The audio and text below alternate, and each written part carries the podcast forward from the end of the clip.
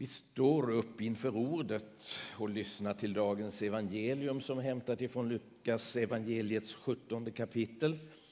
Går att finna i psalmboken på sidan 1706 också här på väggen. Tillfrågad av fariseerna om när Guds rike skulle komma svarade Jesus Guds rike kommer inte på ett sådant sätt att man kan se det med sina ögon. Ingen kan säga här är det eller där är det.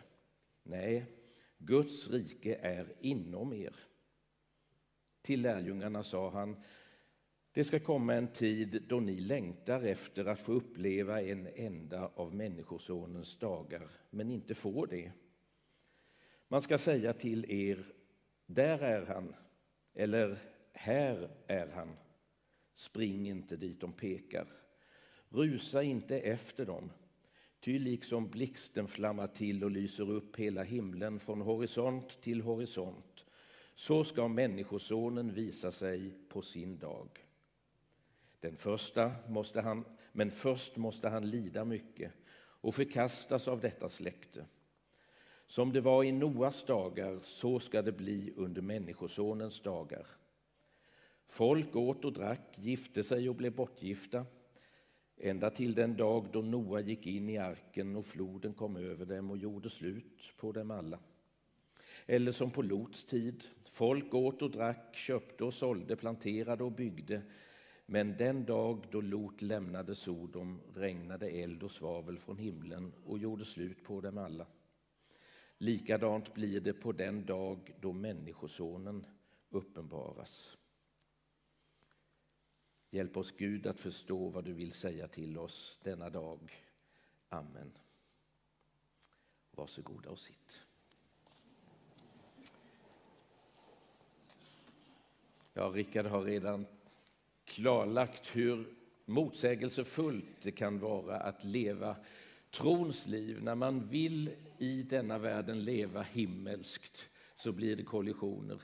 När man vill praktisera Gudsrikets principer och ändå mötas av motsatta principer i den här världen så är det inte lätt att förstå hur man ska gå tillväga alltid. Förra söndagen lyssnade vi till evangeliet om förlåtelsen, den gränslösa, villkorslösa förlåtelsen ifrån Gud. Och ändå slutade det evangeliet med orden men om ni inte förlåter människorna skall inte heller er fader förlåta er era överträdelser. Den inre personliga verkligheten som vi möter i frälsningens ögonblick när vi tar emot den här förlåtelsen ifrån Gud. Den verkligheten behöver komma ut som ett ljus i världen men om vi är oförsonliga och inte vill förlåta och föra förlåtelsen vidare så är det som om vi sätter en skeppa, ett mått över ljuset så att det inte kan spridas vidare. Och därför behöver kravet uttalas om den kravlösa förlåtelsen för att ge oss insikt om att vi är faktiskt en del av det gränslösa evangeliet för världen. Det är genom oss det ska strömma vidare. Nu i dagens evangelium så säger Jesus att detta nådens, förlåtelsens Guds rike, det går inte att se i den här världen. Det är inom er och det är där, i den inre världen, som horisonten ska lysas upp ifrån öster till väster från horisont till horisont med insikten om kungens närvaro och Gudsrikets principer som kommer till dig. Man skulle kunna säga att varje dag borde vara som en söndagen före domsöndagen i våra liv. Då tron får föda hoppet om att kärleken och nådens gränslösa verklighet faktiskt existerar och gäller att rättvisa ändå till sist ska skipas. Men på nytt, detta som tron säger i vårt inre, som vi tar emot i tro inom oss själva som någonting mycket personligt, det behöver ut i världen. För vi beder ju i bönen som Jesus lärde oss att bedja, att ske din vilja på jorden så som i himlen. Och om den ska kunna ske här på jorden så är det ju genom oss det måste ske, vi som lever här. Men nu går det inte att begränsa Guds rike till lokala företeelser och säga här har vi lyckats, här är Guds rike. Eller där borta har jag sett att Guds rike är och det är dit vi måste.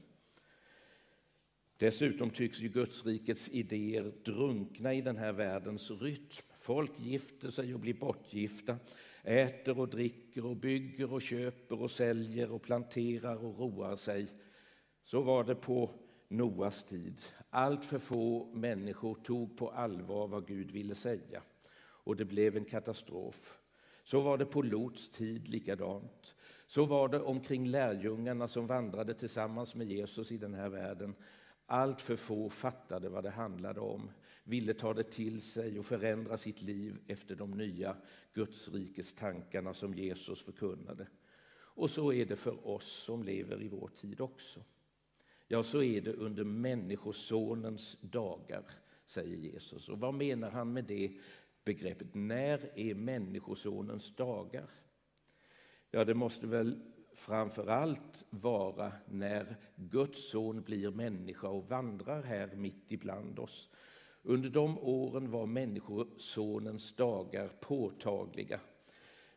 Lärjungarna gick tillsammans med honom och såg allt det goda som hände.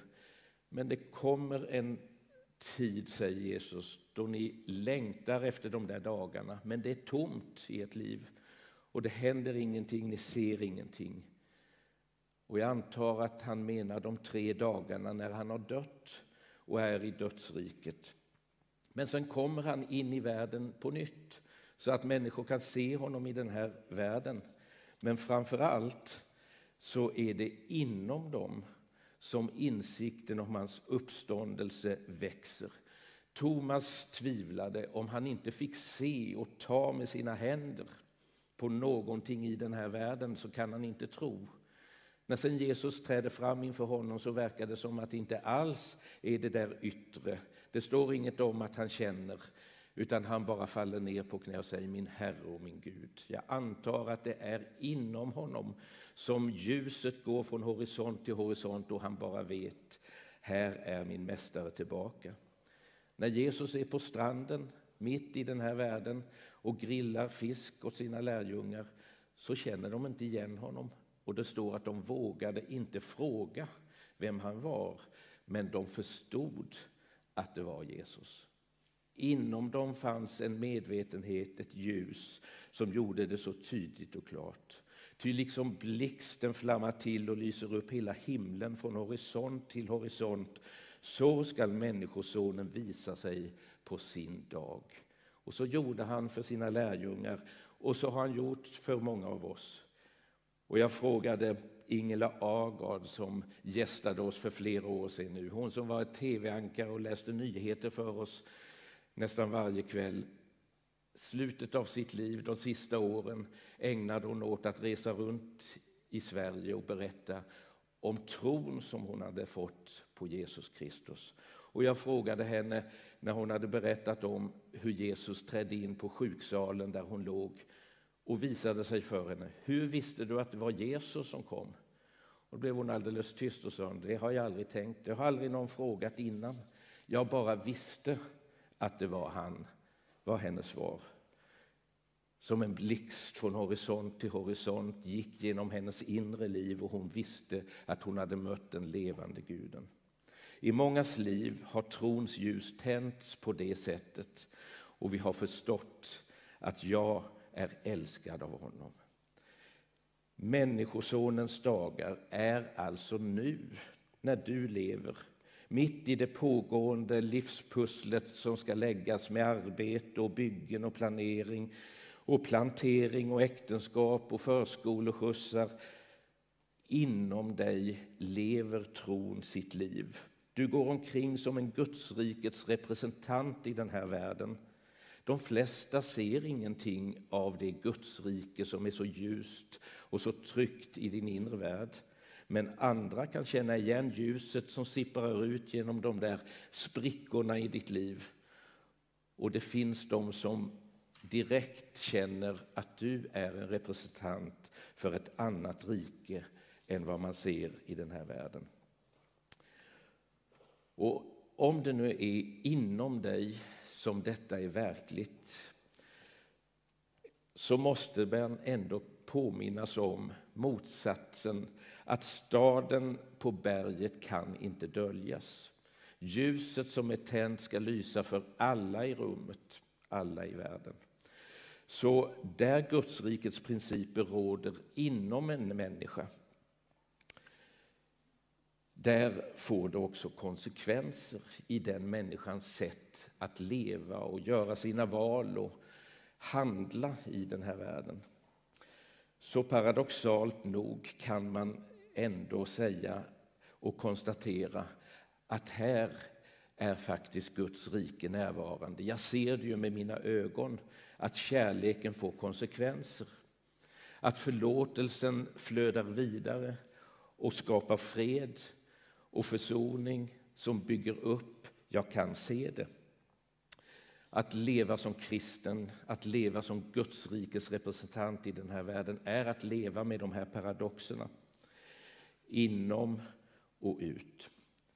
Och även om trons ljus tänds som en blixt i ditt inre, som en specifik domsöndag då en Herrens dag, en frälsningens dag ägde rum i ditt liv, då du visste att nu är jag en kristen, så ska det också komma en dag som han kallar Människosonens dag i singularform. Den dagen då Människosonen Jesus Kristus träder fram inför alla människor. Då det i världen kommer att synas och märkas att nu har han kommit och alla knän ska böjas och bekänna att Jesus Kristus är Herre. I väntan på den dagen så ska vi leva med förtröstan och träna oss i tillit till Gud. Varför är mamma så ängslig? frågade en vuxen dotter angående sin mamma som nu väntade på döden. Hon har ju pratat om nåden i hela sitt liv och om Guds förlåtelse. Varför är hon så ängslig nu då? Och det där kan vi känna igen. Att vi blir ängsliga när vi tänker på domsöndagen och på vår sista dag i den här världen. Därför att vi har gjort så många undantag ifrån Guds rikets principer som lever inom oss och gjort tvärt i det yttre. Vi har fuskat med vårt liv, vi vet ju det.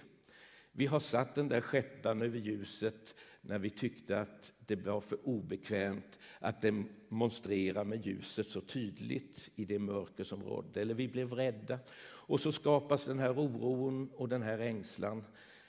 Ska det räcka på domens dag? Jag har ju förfelat så mycket och begränsat så mycket. Men det gränslösa är faktiskt större än det begränsade liv som vi åstadkommer. Temat för den här dagen var som sagt vaksamhet och väntan.